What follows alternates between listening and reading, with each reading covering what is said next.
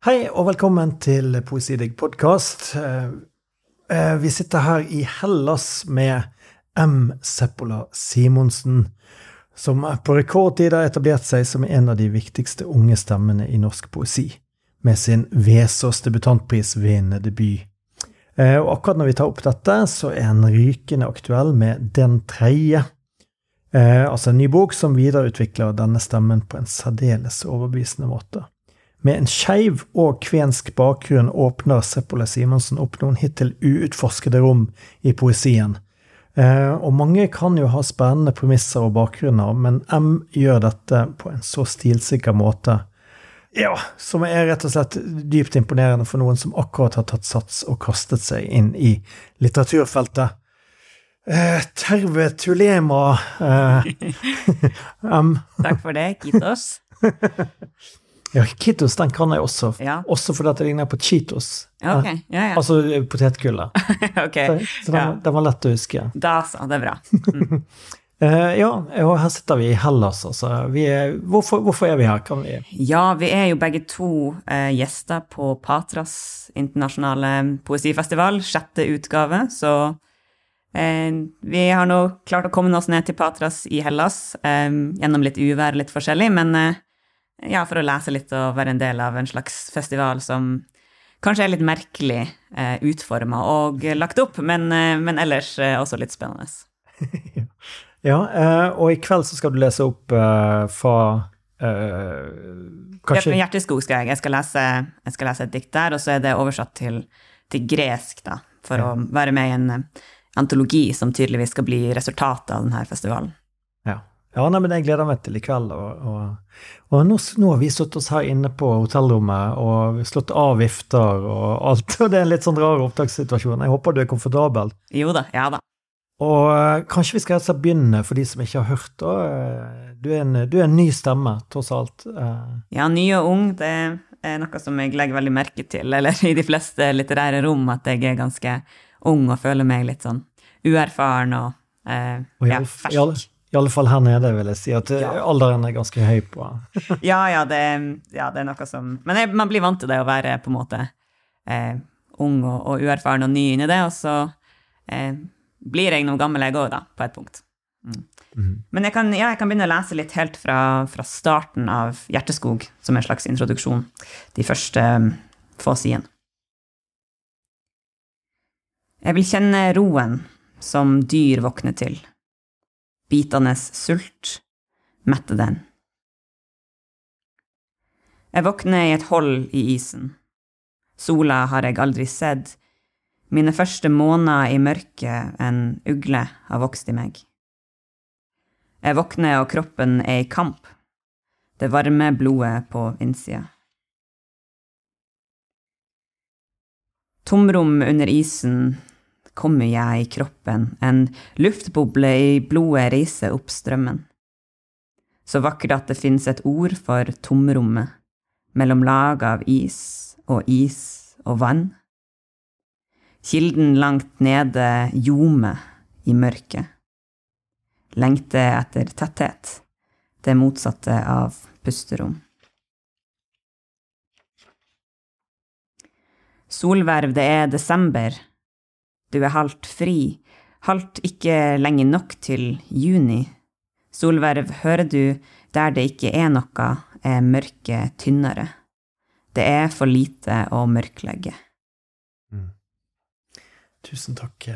Og når du, eh, når du vinner eh, denne uh, høythengende debutantprisen, så holder du et foredrag på Lillehammer som alle det, disse vinnerne må, må gjøre. Det er ganske absurd ting. Man har nettopp begynt eller, Ja, man skal liksom eh, Det er jo ikke for et generelt publikum heller. Man skal liksom forelese for andre forfattere om å skrive, og så har du akkurat skrevet ditt første verk. Det er litt sånn Mm. eh, Man føler ikke at man har så mye å komme med, kanskje, egentlig. Ja, men jeg har lest det og, ble, og, ble, og lærte mye der. Du kalte det å fylle et litterært tomrom. Hva legger du i det? Det, det stemmer. Det, jeg tenkte jo, eller Min taktikk når det kom til foredraget, var å ikke forelese om å, å skrive generelt, for der har ikke jeg mer kompetanse enn de andre i rommet. Men heller velge noe som jeg har mer kompetanse på, og det er jo tematikken i samlinga mi, det er jo det kvenske. Så, Så jeg fortalte litt om noe som egentlig ikke er nytt, noe som mange har snakka om før, som spesielt eh, eh, folk som har kommet til Norge, barn av innvandrere, innvandrere sjøl, som har skrevet, og som, som, opplever det samme, og det å være en representant for en gruppe. Um, men også det å skulle skrive om en opplevelse som kanskje ikke har blitt skrevet om før. Mm. Mm. og derfor havne i en slags midtposisjon mellom å, å skulle representere eh, og gi litteratur til din egen gruppe, men også skulle representere utad til en offentlighet. Så um, man må liksom være veldig bevisst på, på målgruppa og hvordan man skriver, fordi at eh, det tas som en slags absolutthet eller sannhet. Eh, som eh, Ja, det, det, blir liksom ja, en tofoldig eh, måte å skrive på, og det har jeg visst, og det er jo derfor også samlinga har to titler, både Hjerteskog og Sudametta, både kvensk og norsk. Det skal være på en måte eh, både for kvener, men også eh, for et generelt publikum som ikke vet hvem kvenene er, og som som da kanskje kan lære noe. Mm. Så det kan på en måte hjelpe kvenene både direkte og indirekte, på en måte. Ja, ja, ja. ja. Nei, for det er jo det som blir problemet ofte i denne type sammenhenger, at, at du bruker din tilmålte tid til å snakke, til å lære oss om, om på en måte eh, minoritetserfaringen, på en måte. Eh, men, men det Eh, så det er jo et paradoks, på en måte. Men kanskje man vil Man vil jo nettopp det. altså Man har jo lyst til å spre budskapet. Ja, det er jo Jeg visste jo Jeg publisertes på et liksom eh, Oslo-forlag. Eh, som Bøker som skal leses av hovedsakelig ikke kvener, for det er jo en majoritet eh, av, av, nordmenn da, i Norge. Og jeg vet jo også at det er veldig få som, som vet hvem kvenene er. Så um, ja, én av fem, var det gjort forskning på det? Altså én av fem nordmenn vet hva Så da kan vi kanskje rett og slett fylle inn den boksen bare veldig kort. For de som, det er ikke sikkert alle poesilytterne ja, vet det. Ikke sant. Det er lurt, ja. Um, nei, Norge har da uh, fem etniske nasjonale minoriteter, og det er uh, rom, romani, jøder, skogfinner og kvener. Og kvener er den største etniske nasjonale minoriteten. Um, vi bor og kommer hovedsakelig fra de nordligste to fylkene i Norge. Um, og um, har vårt eget språk og kultur, altså det kvenske språket, men pga. 100 år lang fornorskning så er det veldig veldig få som snakker det i dag, og det er en av Europas mest um, utrydningstrua språk. Mm. Så ja, det, de kvenene, eller kvenene er originalt um, kommet over fra, fra, Finland for hundrevis av år siden, uh, og tatt med seg den type språk, da, så det ligner ikke noe på norsk. Nei, nei, nei. Men uh, men det er liksom en slags oppblomstring nå, da, vil jeg si, ja. i interesse rundt å lære språket og, og ivareta det, og det er liksom litt i siste liten hvis vi skal klare å, å redde språket, at, eh, at, det læres. Ja, for det er jo ingen som lærer dette på skolen, selvfølgelig. Eller, ja, eller nå, nå, går det an. I de nordligste fylkene, så hvis du har lyst til det i spesifikke områder, så kan man søke om å få lære kvensk. Ja. Eller finsk. Det er jo flere plasser man får lære finsk, som er veldig, veldig nært beslekta på, mm. på kvensk. Um, og så finnes det en uh, universitets, uh, et studium på UiT i kvensk. Som du, ja. som du tar. Fordi ja. at du visste du, dette, var, dette, var, ikke given for deg når du var, var, barn, at du var kven? Nei, det er jo um, sånn at det, ordet kven har vært et skjellsord, og fornorskning har ført til veldig mye skam, og til at um, en generasjon da direkte ikke videreførte kulturen og språket til det nye, fordi at man eh, i spesielle områder eller spesifikke områder ikke kunne få jobb, ikke kunne bli gravlagt, kjøpe eiendom hvis man ikke snakka norsk som førstespråk eller hjemmespråk. Mm. Så, så, derfor så ble det ikke videreført, og så har det blitt liksom neddyssa eller ikke snakka om da, i veldig mange kontekster. Um, og, og mamma for eksempel visste jo alltid at hennes besteforeldre snakka det de kalte da finsk. Mm. Um, eller kjøkkenfisk, äh, finsk eller gammelfinsk. Um, men, uh, men, det var liksom ikke noe som hadde noe betydning utover det, fordi at det kvenske hadde ingen verdi i samfunnet. Det var liksom noe gammelt som, som ikke skulle bevares på noen måte, da. Uh, og så fant jeg jo ut av det når jeg var i tenårene, på en måte. Mm. At det, det der Seppola, etternavnet, kommer ifra, og det der vi kommer ifra, det er liksom en tradisjon og et språk der som, som er forsvunnet. Mm. Og så har jeg liksom gjennom tida prøvd å finne ut hva det har å si for meg, da, for om det har, kom, bringer noe godt med seg. For det er jo mye smerte eller mye ondt i å tenke på at man har mista noe. Um, så da er spørsmålet om det er noe vits i det hele tatt å gå videre med det. Ja. Um, hvis det ikke finnes noen positive lyspunkter eller verdier i det. Men der har du åpenbart tatt et valg. Ja, men det er jo det som er altså Hjerteskog mitt er på en måte min egen utforskning av, av på godt og ondt hva det vil si, da, fordi det er så vanskelig å identifisere i dag når den materielle kulturarven og immaterielle kulturarven er så eh, borte, da, eller vanskelig å identifisere, så, så, føler man seg litt sånn at man ikke kan kalle seg kvensk, for man har ikke språket, man har ikke noe å peke til eller noe håndfast. Så det er lett å bare ignorere det. Men så har jo jeg funnet ut at det er veldig vanlig å ikke ha, eller å føle på den følelsen av å, å, ikke være nok kvensk. Mm. Og det i seg sjøl er dermed en slags kvensk opplevelse, da. Ja. Um, så jeg har jo funnet mye samhold i det kvenske, og mye, mye verdi i det mm. uh, personlig. Så um, jeg tror jeg tok det rette valget. Ja, ja, ja. Og i litteraturen i, på, i norsk, på, norsk, veldig lite representert. Altså Ingeborg Arvola mm. har vel eh, vært Ja, i, i fjor ga vel hun ut eh, eller var det tidlig i år den kom, men 'Kniven i ilden', da, som mm. har undertittelen uh, Rujan Rannala, uh, sanger fra Ishavet.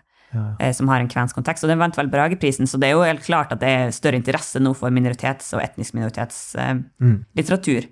Mm. men det er jo noe som jeg vil se på som veldig som, i samtida, at vi ja. nå er åpen for å lese om ting vi ikke nødvendigvis forstår, eller som ikke er for oss. Mm. At vi kan, vi kan akseptere på en måte f.eks. at jeg bruker kvenske ord som ikke er oversatt. Akseptere litt og ikke ja, forstå det.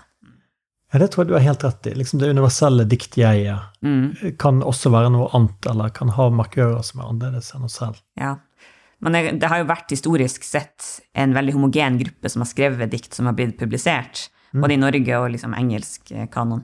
Så um, det er vel kanskje helst for den gruppa at det er litt utfordrende å plutselig stå på utsida av et narrativ. Ja. At man, eh, det er, handler ikke om deg. Jeg har jo fått noen tilbakemeldinger eller anmeldelser hvor det har blitt nevnt at det burde være en ordliste bakerst i boka osv., men, men det er jo hele poenget er jo å fremmedgjøre leseren ja, ja, på samme måte som kvenene er fremmedgjort for eget språk også. Det, det du her benevner, er jo det at i din første bok, da, eh, der, der tar du og altså Den heter jo 'Hjerteskog eh, Sydanmetta', mm. og inneholder mye kvenske ord mm. inn, inni her, da som, som, den vanlige leser ikke da vil forstå.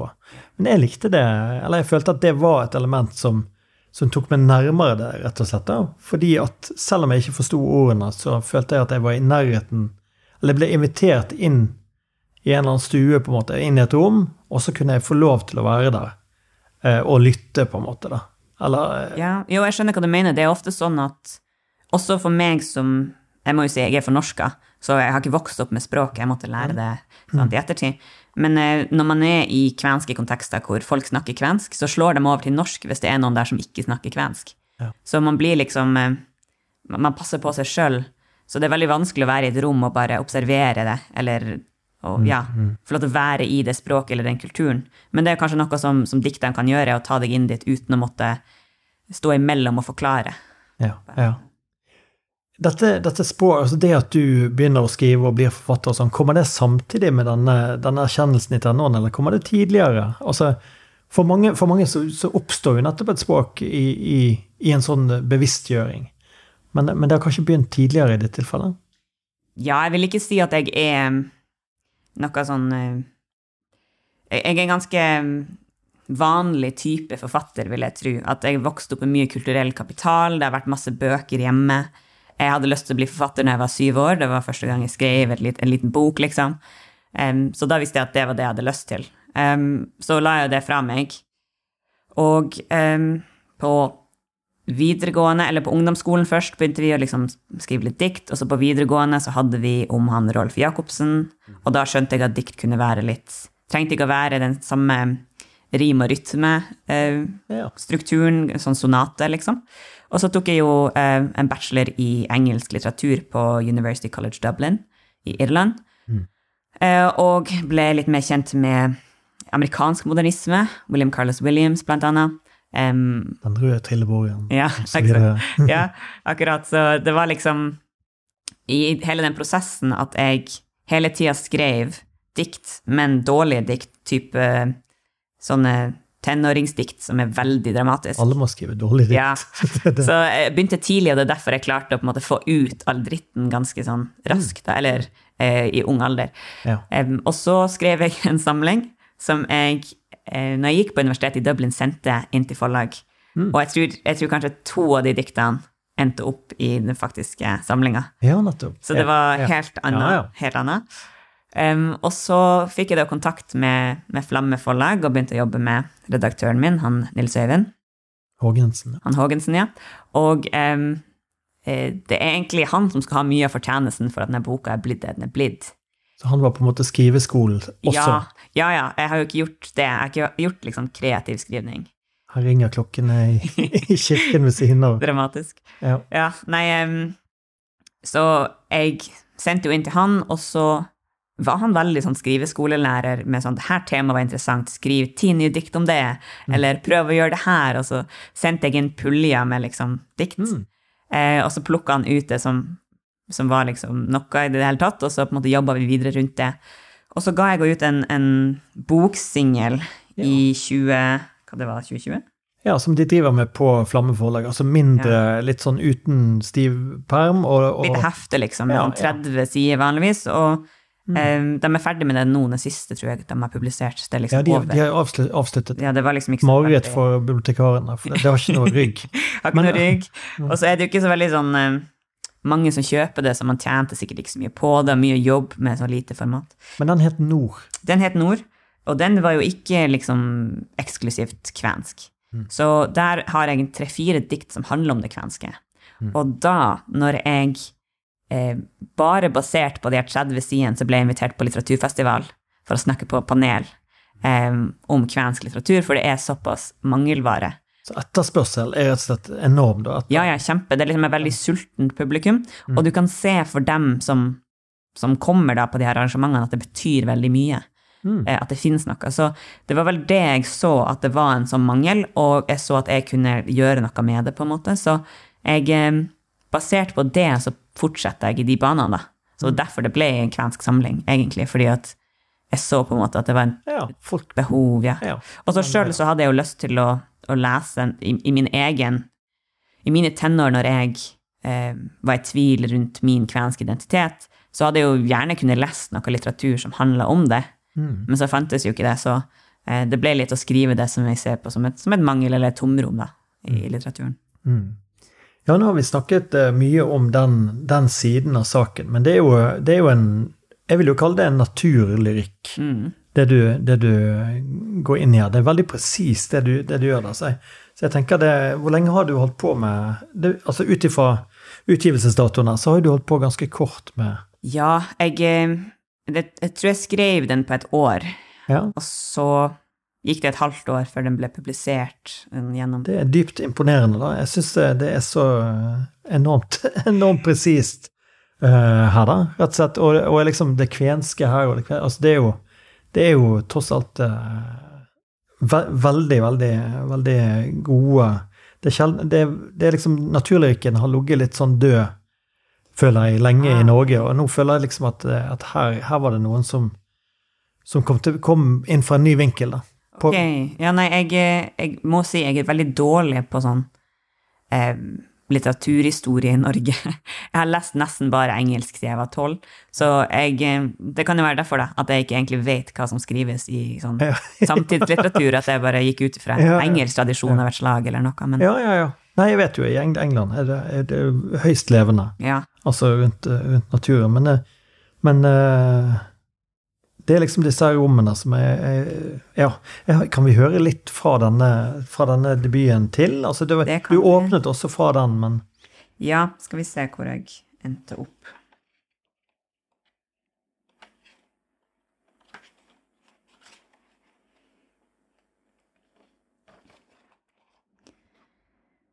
Nord er ikke håndfast.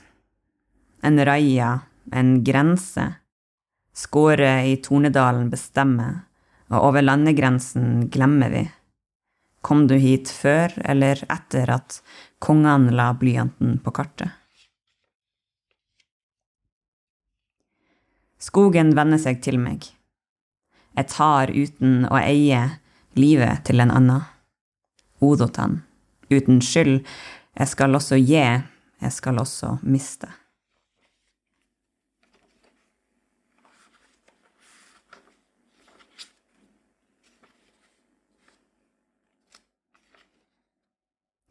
Naturen møter meg som den alltid har gjort.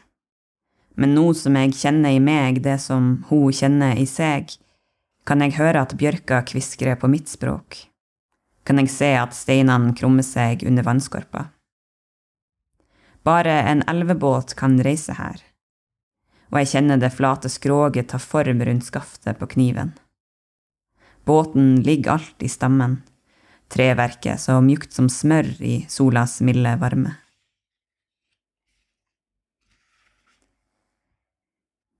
I hjertet, gjennom alle kanalene, presser røttene mot en djup skog. Sudan metter. Vin hektes på tornene, mørkt, men varmt er det der sola ikke slippes.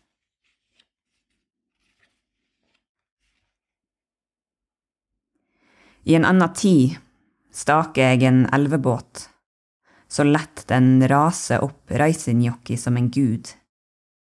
Urelva hvor steinen ligger like under strømmen.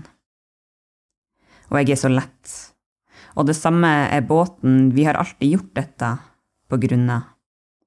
Vi ble laga til dette formålet alene.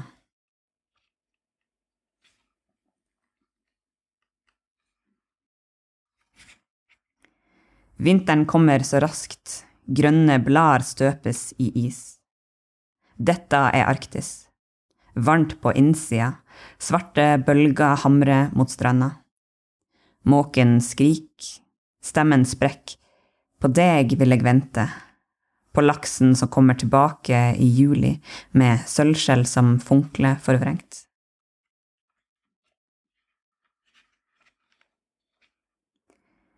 Gransangeren migrerer mot bedre vilkår.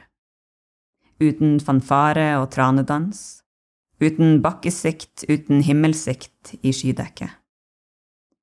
Jordmagnetisme drar kroppen sørover, hvor forholdene er overkommelige. Lengsel lar den returnere, når all is smelter. Ja.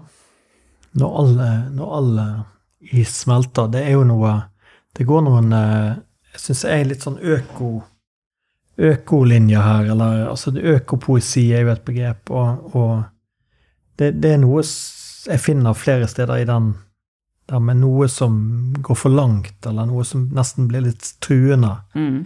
i, i Ja. naturen. Det er jo eh, det er jo en natursamling, sånn som du sier, selv om den er kvensk. Og det var flere elementer av det som jeg syntes var viktig, da. Eh, For det første så tenkte jeg rent praktisk når det kom til å, å skrive om det kvenske. Av mangelen av uh, håndfast materiell kulturarv, så måtte jeg ha en inngang til det. Og da tenkte jeg at uh, kvenene kom fra innlandet i det som i dag er Finland, til kysten av det som i dag er Norge. Og um, da har den, eh, det miljøet eller den naturen og de årstidene forma i veldig stor grad em, kulturen. Så jeg tenkte at naturen kan vise meg kulturen, på en måte, og kan bringe meg nærmere. Eh, og så ligger også språket, syns jeg, nærmere naturen enn det norske språket gjør. Det fins ord for eh, naturfenomener som ikke finnes på norsk. Ja. Eller fins ord for på norsk. Eks eksempel. Ja, det, Hvis du har, altså, du har kanskje eh, vi, det har for eksempel kumme- kummeja, som eh, mm, betyr luftboble eh, under isen, eller mellom lag av is Ja, og is. sånn er. Ja, ja, ja. Så eh, hvis du går på isen og går igjennom, men du går ikke gjennom nok til at du kommer i vannet, Ja. så, så er det liksom en slags boble med luft mellom ja, isen der. jeg vet eksakt. Ja, ikke sant? At det Ja, finnes et ord for det. Um, Ja. Men um, Mm.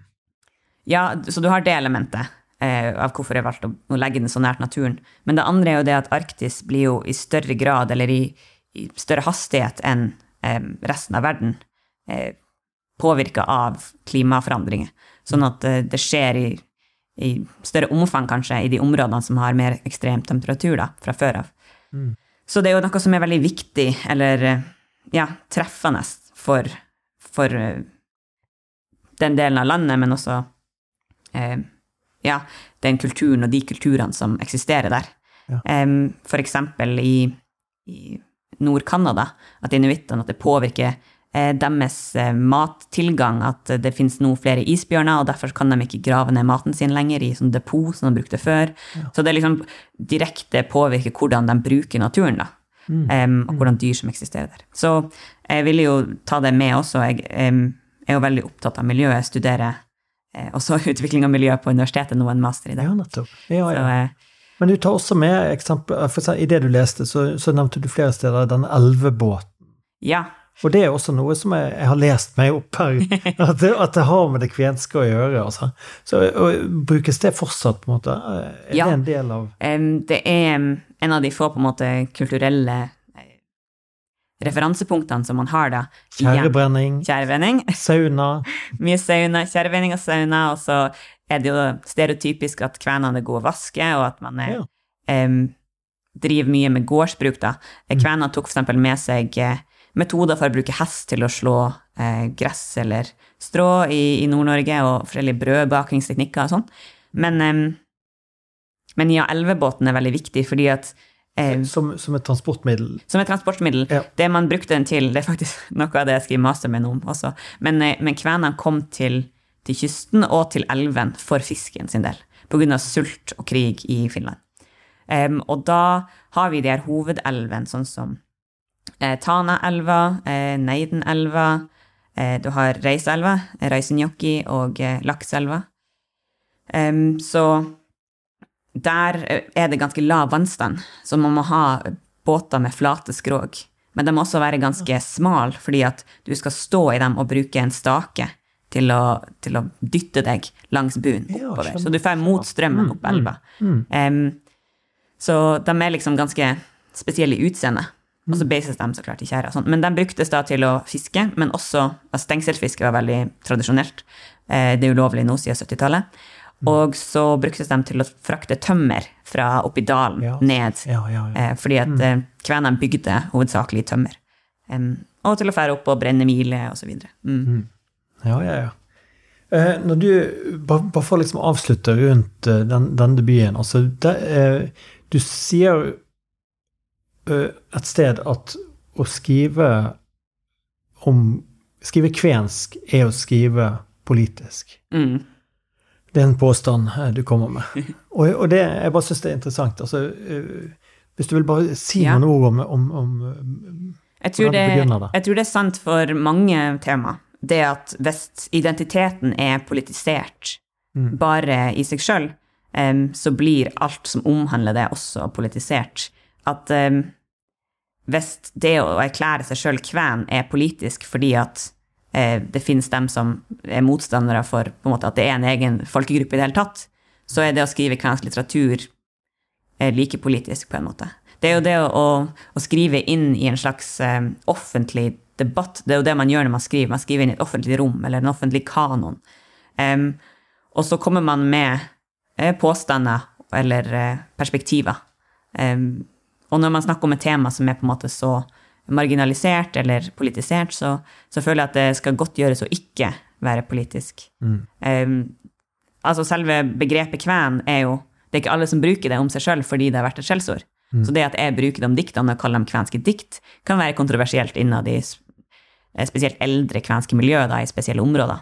Mm. Så, eh, og så finnes det f.eks. For tre forskjellige kvenske eh, skriftspråk, eller måter å skrive på. Um, og jeg har valgt å bruke en som har en strungen D. Og det er også kontroversielt innenfor de andre, om man skal bruke den bokstaven i det kvenske alfabetet. Så det er liksom alle de valgene du tar når, um, når du representerer, når, ja. når, det jeg sier, blir tatt som en sannhet. Det er veldig, ikke, mange, veldig mange, nordmenn som kommer til å kun lære igjen det kvenske gjennom akkurat ikke sant? Ja, ja. De tror at det er eh, en Blant sannhet. meg, mest sannsynlig. ja. Så hvis man, hvis man, liksom skal For dem som jeg snakker med, så er jeg den eneste kven, og jeg er liksom en autoritet og en sannhet. Mm.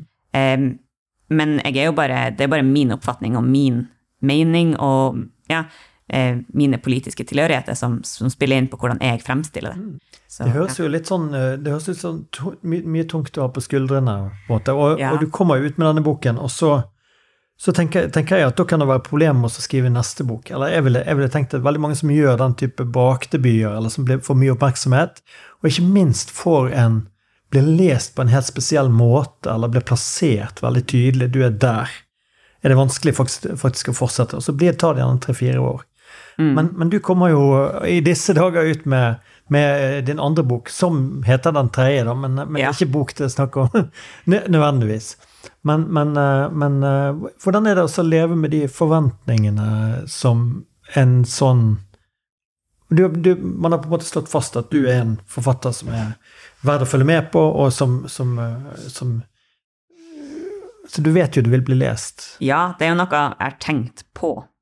Um, jeg tenkte jo originalt at jeg skulle det mest sannsynlig ikke kom til å bli lest, og det sa forlaget mitt òg, at det er poesidebut, liksom. Du skal ikke forvente noe i forhold til anmeldelser og sånn. Um, så jeg var jo innstilt på det. Em, og så fikk jeg mye oppmerksomhet, som er utrolig flott og fint, og veldig heldig, spesielt med timinga. Fordi at det her kom jo ut et år før Sannhets- og forsoningskommisjonen sin rapport kom ut. Eh, som da var eh, produkt av en seks år lang prosess hvor staten har eh, bedt om en rapport som skal granske og dokumentere fornorskningsprosessen og dens resultater. Så det var liksom veldig Både, både samer og kvener. Både samme kvener. Ja, mm. Så det var liksom veldig um, i tida. Så det var ganske god timing på den. Um, men da visste jeg jo at folk kom til å lese nummer to. Og da tenkte jeg ok, jeg kan ikke skrive en Hjerteskog nummer to. Nei. Fordi da kommer den til å bli målt opp mot den første. jo, ja. Så hvis jeg skriver liksom, en til samling kvenske dikt, så blir det liksom Er den bedre eller verre enn den forrige? Hva er forskjellen? Sånt. Så jeg bestemte meg for å skrive om et helt annet tema. Mm. Og så tenkte jeg også å bare få det overstått. Ja, Og Istedenfor å gå liksom og pine og tenkte nå, nå bygger det seg opp en slags forventning, så tenkte jeg at uh, ja. ja, jeg, jeg trodde jo originalt at det skulle fly under radaren med alt av det som jeg skrev. ja, ja. Um, for at jeg Jeg vet jo at mange forfattere har skrevet Har gått på forfatterskolen og vært diktere og skrevet fordi de vil merkes og vil leses. Mm. Sånn. Men for, det var aldri noe som jeg hadde noen tanker om. Det var, sånn, det var ikke så viktig for meg hvor mange som kjøpte boka mi. Jeg hadde bare lyst til å på en måte skrive det, og så var den anerkjennelsen av å bli publisert, og så var jeg liksom ferdig med det. Um, Det er mitt inntrykk. Vi har blitt litt kjent der nede, og du, du er liksom føler sosiale medier ikke så viktig, og, og hvor mange har jeg solgt, aner ikke. ja. Så du, Ja. du, virker- du virker som du, du, du skjermer en del. Det er vel det Noe som jeg har funnet ut i ettertid, for jeg kunne jo ingenting om industrien på forhånd, var jo det at um, poeter er litt sånn originale forfattere. Eh, Eller vi får lov til å være litt i fred. Det er ikke forventa at du skal selge bøker, så derfor må du ikke gå hardt ut med boka di. Um, man må liksom ikke ha noe til, altså være på sosiale medier eller sånt. Så eh, man har liksom lyst til å skrive Eller vi har lyst til å skrive noe, og så eh, trenger det ikke engang å se fint ut. Boka trenger ikke å være liksom, noe som markedsføres på en bra måte, fordi det liksom forventes ikke at den skal leses. Og det passer meg perfekt, egentlig. Fint utgangspunkt. Det er ikke alle som ser på, ser på det sånn. Nei, det kanskje, kanskje jeg sier noe kontroversielt, men eh, Nei, nei, nei, jeg bare sier at folk gjør det helt forskjellig. ja, ja. Så, ja. Ja, nei eh, men, Men, men det har vært bra for deg, åpenbart, også i forhold til presset inn mot den andre, vil jeg tro. Ja, det er vel også det at jeg ikke er eh, så oppdatert på den litterære offentligheten, så jeg vet ikke så mye om presset, eventuelt. Press.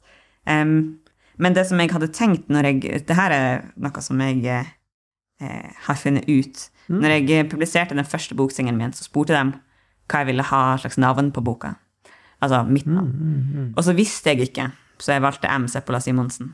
Eh, tenkte jeg, det er liksom M. punktum, det kan være hva som helst. Trenger ikke å bestemme meg hva jeg lyst, hvis jeg har lyst til å ha et fornavn. Og så tenkte jeg at det ikke kom til å være viktig, og at ingen kom til å spørre meg.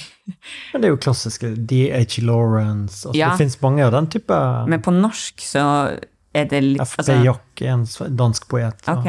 Ja. Så det finnes eksempler, ja. Fordi at eh, jeg har fått liksom masse spørsmål om det. Folk har lyst til å avsløre hva navnet mitt er. Eh, og jeg er litt sånn Jeg lurer på hvorfor jeg har gjort det sånn.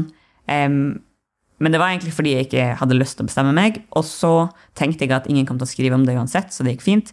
Men så har jo folk spurt meg, og avisene har liksom gravd. Og eh, når jeg vant eh, Vesaasprisen, så var det én artikkel i avisa, den liksom hovedartikkelen som skulle annonsere det. Og den handla bare om at jeg ikke ville si hva navnet mitt var, og hvordan pronomen jeg brukte. Og dette gikk på kjønnsproblematikk og den type Ja. ting. Sant? Altså spekulasjon rundt det. Så derfor tenkte jeg ja, nå kommer vi videre til det som jeg egentlig skulle si, sikkert om eh, bok nummer to, som, som handler om kjønn og seksualitet. For det er en annen ting som jeg eh, mangler i når jeg prøver å lese norsk litteratur, da, å finne litteratur som handler spesielt om kjønnsskjevhet, og spesielt, spesielt om eh, ikke-binær eller ja, eh, kjønnsidentitet. Så var det ikke så mye å hente, um, så derfor så endte jeg opp med å prøve å skrive det sjøl. Ja, Det gikk jo fint første gang, så ja, ja nei, men virkelig. Jeg har hatt stor, stor glede av å lese den, og den står ikke tilbake for debuten, syns jeg, da. Takk for det. Og, men det, men det, det er jo virkelig et helt annet. Det er urbaniteter. Plutselig, ingen, ikke så mange elvebåter, men Ja. litt sånn Oslo-gater og Det er mer by, ja, det er sant. Mm. ja. Men det er derfor jeg bor i Oslo også. Du har den her eh, Du blir liksom trukket mellom Har du lyst til å være skeiv og være i en by hvor det finnes et skeivt miljø og eh, et samhold? Eller har du lyst til å være kven i Nord-Norge, bygd, på bygda der, for det er der det kvenske skjer? Så du, hvis du har lyst til å få en slags gjenkjennelse av identiteten din eh, av, av andre innenfor ditt miljø, så må du nesten velge. Ja. Så nå har jeg valgt Oslo, da. Jeg bor i Oslo, fordi Ja. eh, det er viktig for meg akkurat nå å, å være i et skjevt miljø. Um, men det kan jo hende jeg prioriterer andre senere, og var- drar nord for det kvenske.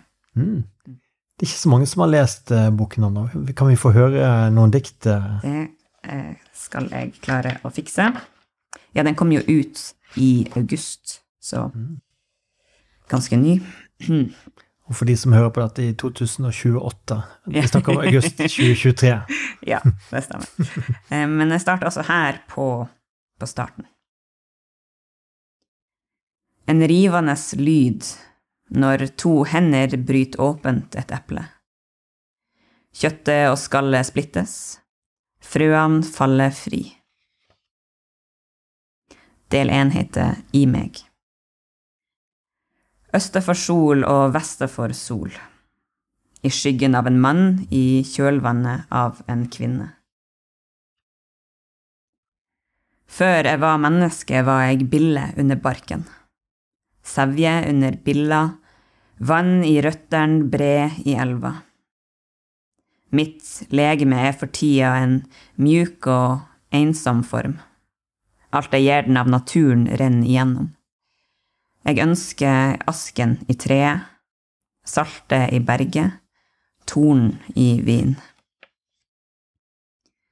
Jeg vil rope, jeg er bare hen, jokka ella, jolla on gaksi nime, men det er usant, jeg er hun som ikke snakker sitt eget språk, jeg er han som ikke har et eneste navn. Jeg beundrer krafta i hver av våre kropper, evnen til å transfigurere alt vi når med tynne fingre, men ikke oss sjøl. Om jeg forblir uendra, la verden bli vakrere ved meg. Så kommer dagen hvor jeg er hen som har glemt, føttene til gutten på svaberget, hendene til jenta mot glasset. Og min kropp er ravina regnvannet kan fylle. Vaske steinene på stranda, havglassets sløve kanter.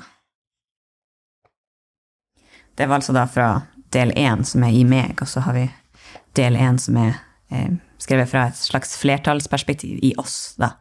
Hvor, eh, ja, selv om jeg ikke egentlig har lyst til å snakke for en hel gruppe, så er det jo det jeg gjør i samlinga. Ja, jeg skjønner. Men det kan vi kanskje ta som avslutning Ja. eh, etterpå. Um, altså, det er jo eh, det er noen helt, altså Jeg vil jo si at den det er ikke urelatert til den første boken eh, på, på noen måte. Vi, vi kjenner igjen stemmen. Uh, og det er noen veldig såre ting her. Uh, altså Virkelig såre ting. Og jeg, jeg tenker Og noen veldig glade ting. Mm. Og det er, veldig, det er liksom ren livsglede innimellom her. Men, men, men, men de såre partiene her Og jeg tenker denne problematikken er jo nesten naturlig sitte sitter litt tyngre og, og Mm. åpner opp om Ikke nødvendigvis pga. flauhet, altså, men, men uansett, Ja. det er jo altså Hvordan føles det å skrive dette ned på en bok som printes ut? og Ja, det er jo Ja, det er mye der som er Det er mye vold. Det er Jeg har skrevet om eh, terrorangrepet em, på Pride Mm. i fjor. Um, og det er jo en realitet, så man er jo kanskje litt Hva man kan si eh, På den verste måten blitt litt vant til det i det skeive.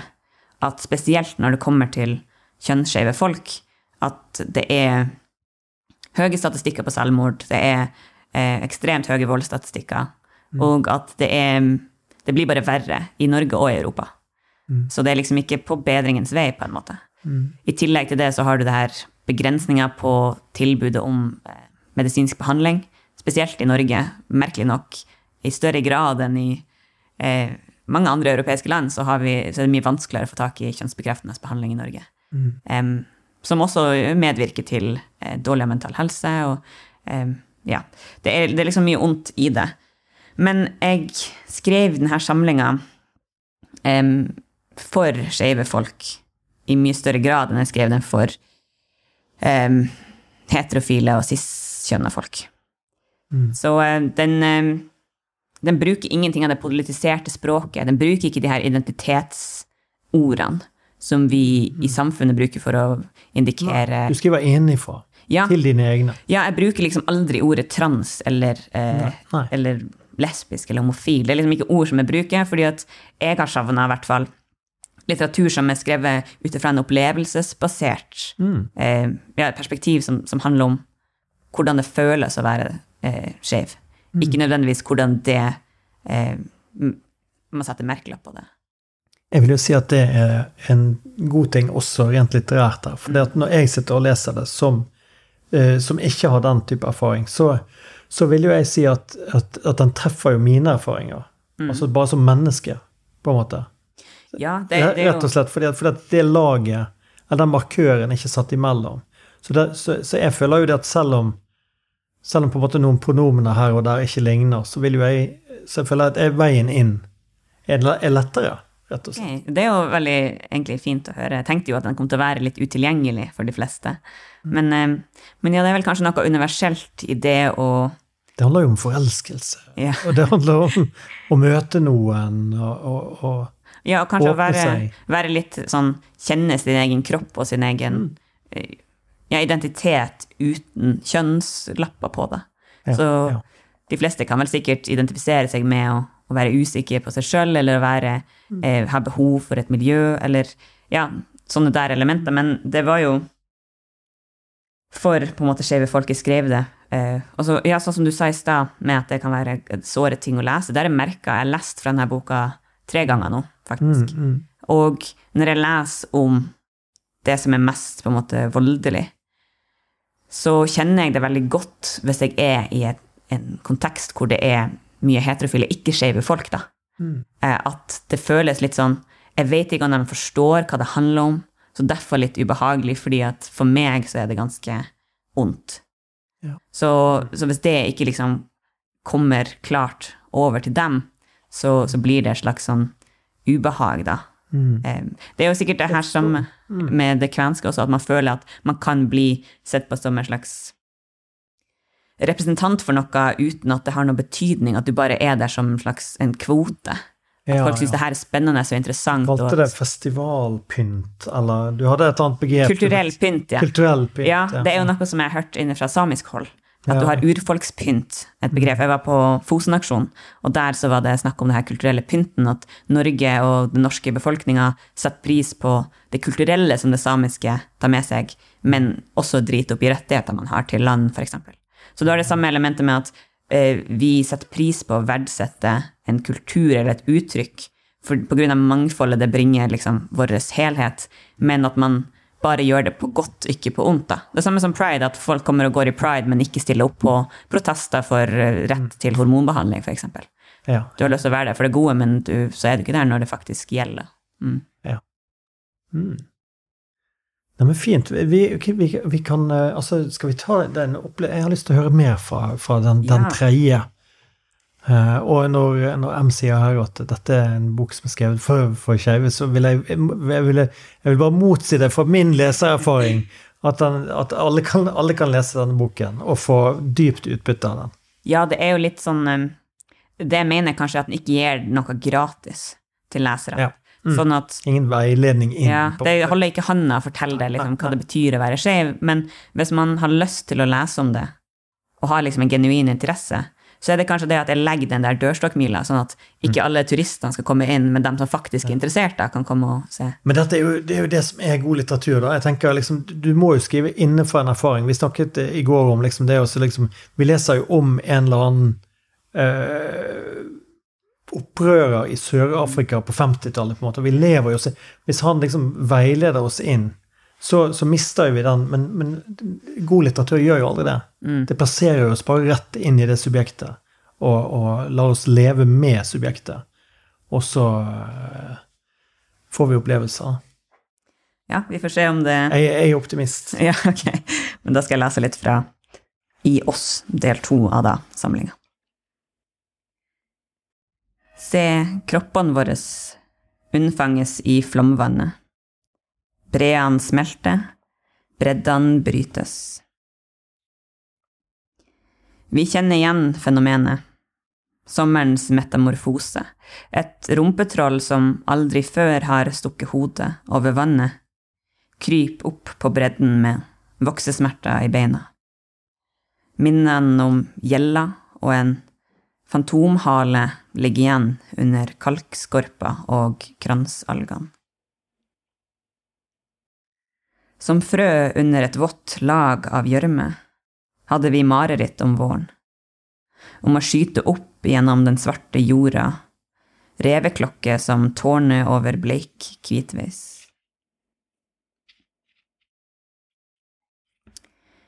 Christian mot Rosenkrantz. I natt danser vi uredd, for alle uten rytme. Dem som hadde den før den forsvant, som lakk rytme på varm asfalt. Dem som hadde dansen i hjertet, men rytmen i kroppen til kroppen ikke kunne holde mer. Sjøl om rytmen var det siste kroppen holdt.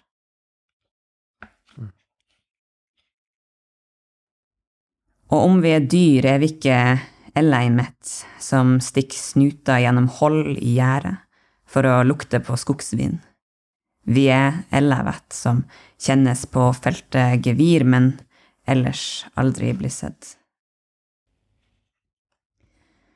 Og nå det luftige, så søtt jorda smaker, vannet er kopper i hender som i dag er mine, den som har skåret, hvite linjer falme, sola skuer gjennom huden, ser årene krysse. Morgenen din kommer til å føles tynn i lufta og solrik. Lysegul den første hvor du ikke eksisterer i buen av din egen kropp, men knitrer på overflata. Den morgenen er du et menneske som våkner tidlig til fjærskya. Hvem er vi, kroppsløse kropper, ord uten navnemakt, født under en gjenfødsels vandrestjerne? Vi har planta løk, som spredt en stemor, en marsfiol opp av jorda, lavendel mot sola. Slik som vi lever i hverandre, lar vi varmen splitte fingertuppene og slippe ut i en større varme. Tusen, eh, tusen takk. Det jeg, greier ikke la være å nevne en Det var noe av det fineste jeg har lest på flere år. eh, år. Jeg må bare si det, det diktet. Altså, det, du har et dikt på side 23 som er veldig truende der. Som er fryktelig Altså, det er blod. Blod eh, opptrer to ganger eh, spesielt i denne boken. Da. Og rett og slett Først med mor, og så med en venn, eller kan man si. Eh, har du lyst til å lese de, de opp imot hverandre, nummer 23 og 44? Altså, bare et eksperiment. Ja? Så kutter vi det hvis det, hvis det blir feil. Men jeg- bare jeg har lyst til å gi eh, lytteren eh, den opplevelsen. hvis det. Ok. Min kropp er ikke min. Den eies av alle de som besitter dette blodet i meg. Min mor skar hånda, La den mot min hvite tunge. Det er ikke lett å avvise en gave. Hun blør på meg. Er dette mitt blod fra det gamle såret? Jeg presser en finger mot huden hennes til pulsen slår inni meg, spør om vi kan dele. Mm. Det er liksom nesten eh, en samme situasjon, bare med, med liksom helt annen eh, stemning og trykk, på en måte. Skal vi dele oss noe, noe frivillig, noe, noe liksom godt, varmende, føles det som? Ja, det er jo eh, Du har jo innenfor det skeive en slags eh, et familiefokus, da. Mm. Eller ideen om at i større grad enn andre miljøer at du bestemmer hvem som er din familie sjøl. Mm. Så du, du, blir jo gitt et utgangspunkt fra slekta di, og, eller en kropp, eh, fra biologien din. Eh, og det er jo noe som du ikke har kontroll over. Men hvem du da velger å ha rundt deg videre, er opp til deg. Og det er jo noe som det skeive miljøet har måttet gjøre fordi at man har blitt kasta ut av familien sin, eller eh, ja, man ikke er akseptert, da. Så det her siste diktet var jo det som var rett før del to, som mm. handler om å slags dele en, en, en byrde, da. Mm. Um, men også en glede. Som du mm. sier, så er det jo mye tungt, men det var viktig for meg at, at den skulle slutte på, positiv, på noe positivt. For det er så mange tragiske skeive historier mm. eh, som ender i død. Så jeg tenkte at det Uansett om det er tungt, så fins det liksom det her lyspunktet av å kjenne seg sjøl og av å være omgitt av andre som deler en opplevelse. Mm. Å glede seg over egen kropp er som å trekke pusten gjennom alle porene i huden. ja, jeg tror ikke Det er liksom eh, noen opplevelser som man kanskje har fordi at man har vært uten. Um, og det jeg mener, er at hvis man har levd i et kjønnsuttrykk som man ikke identifiserer seg med, og så plutselig får lov til å leve sånn som man føler seg sjøl, så får man en mye større eh, Kanskje at man, man, setter mye mer pris på det enn man kanskje gjør hvis man alltid har hatt det. Mm. Eh, sånn at man, man, føler at man kan være seg sjøl, og man kan se seg sjøl um, for første gang mm. i voksen alder ofte. Og da har man kanskje litt mer altså man kan reflektere litt mer rundt det og ha litt mer følelser rundt det. Ja, ja.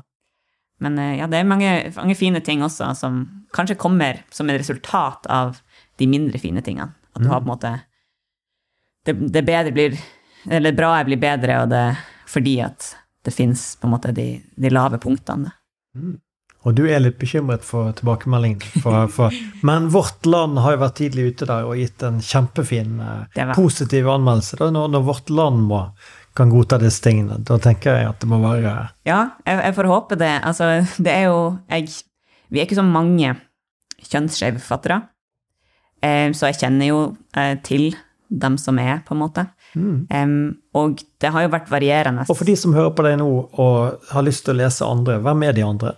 Eh, ja, um, Molly Øksnevad kom jo ut for noen år siden med 'Feminin gange', som kanskje er den mest relevante boka, fordi den, det er den første um, romanen som handler om eller eneste roman som handler om transpersoner, skrevet av en transperson i Norge.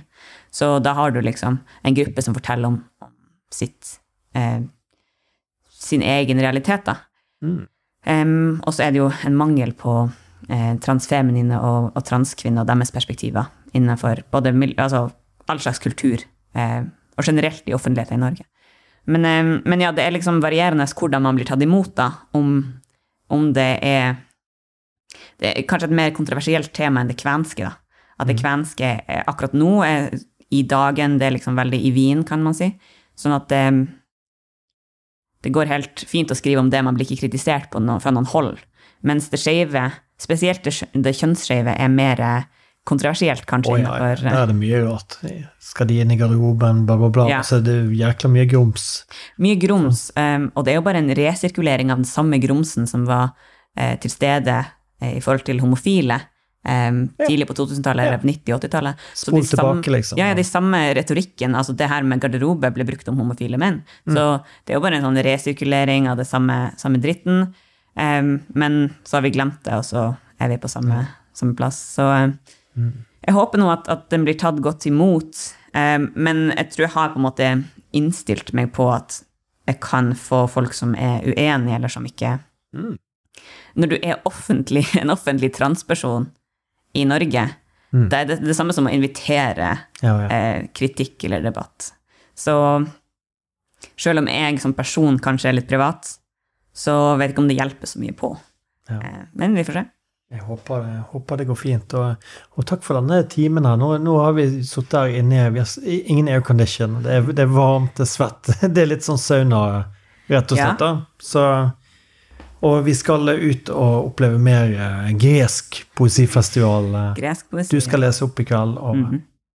ja, tusen takk for at du delte det du gjorde. Og, Ja, takk for at jeg fikk komme og snakke. Det, jeg syns jo det er en, en ting jeg kan si, at jeg skrev denne boka også fordi den, den tredje. Fordi at eh, jeg fikk lovt på um, Hamsundagene i Nordland å være på et skjevt panel med Hjerteskog Sydanetta. Ja. Fordi de visste at jeg var skeiv, da.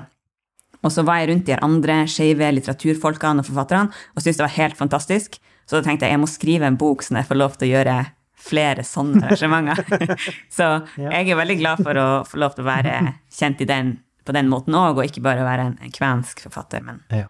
Um, selv om det er kvenske fraser i denne boka òg, så er det jo i mindre grad. Men så alle litteraturfestivaler som hører på dette, lager arrangementer uh, yes, av dette. du kan invitere meg både, både som kven, men også helst som, som skeiv eh, poet. Ja takk. Ja. Nydelig. Vi takker Bergen kommune og Norsk kulturråd som har støttet, og så hiver vi oss ut i den greske eh, sommernatten her. Ja. Takk.